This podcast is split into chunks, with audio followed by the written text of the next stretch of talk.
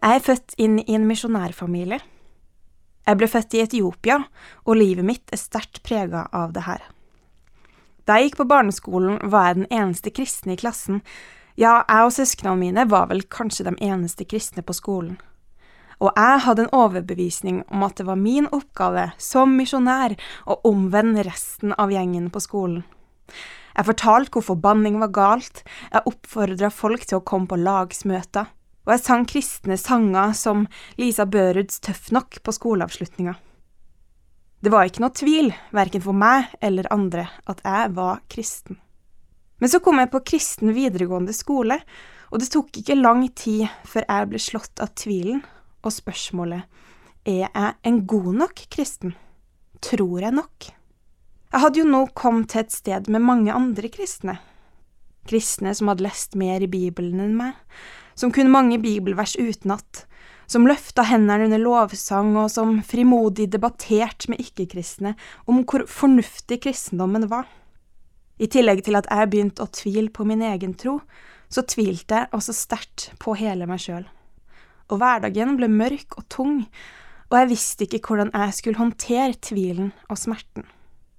Nokså tidlig i denne perioden var det møteuke på internatskolen, og etter et møte snakka jeg med taleren. Jeg fortalte om min usikkerhet rundt min egen tro, og hans respons ga meg umiddelbar lettelse. Han siterte Johannesevangeliet, kapittel 1, vers 12, der det står men alle som tok imot ham, dem ga han rett til å bli Guds barn, de som tror på hans navn. Det er ikke mange bibelvers jeg kan utenat, men det her ba taleren meg om å memorere, og det har jeg aldri glemt. Jeg kan ikke si at jeg aldri har tvilt etter det her, eller at jeg aldri har kjent smerte igjen. Men jeg har i hvert fall aldri tvilt på hvor mye som skal til for å kunne kalle meg en kristen. For det som kommer fram av dette verset, er at Gud måler ikke hvor mye eller lite tro du har. Nei, for Han er det nok at du tror, og at du ønsker Gud velkommen inn i ditt liv. Og det her er godt å vite for meg og min relasjon til Gud. Og så er det godt i møte med andre mennesker å kunne formidle at de skal slippe usikkerheten som ligger i det at man må ha en viss mengde tro. For alle som tok imot ham, dem ga han rett til å bli Guds barn, de som tror på hans navn. I en del kristne sammenhenger opplever jeg at det legges veldig stor vekt på alt man må gjøre for å være god nok kristen, og så føler jeg at det blir et jag etter å leve det mest prektige livet. I tillegg så ser jeg at det skaper et jag, så skaper det en konstant frykt for at jeg ikke skal gjøre nok, at jeg ikke skal være nok og det skaper en distanse mellom meg og andre kristne, for man vil jo ikke fremstå som en som ikke er god nok for Gud. Så man slutter kanskje å dele åpent og ærlig om hvordan livet faktisk er, om hvem man sjøl er.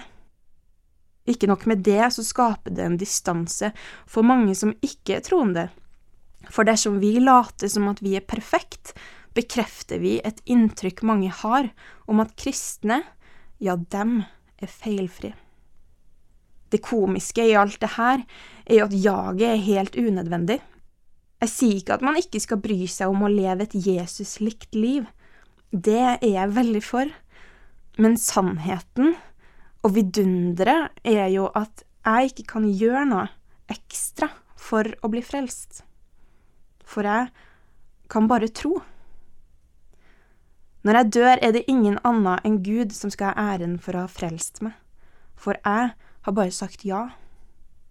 Det var han som ofra sin sønn for mine og dine synder. Det er Gud som frelser.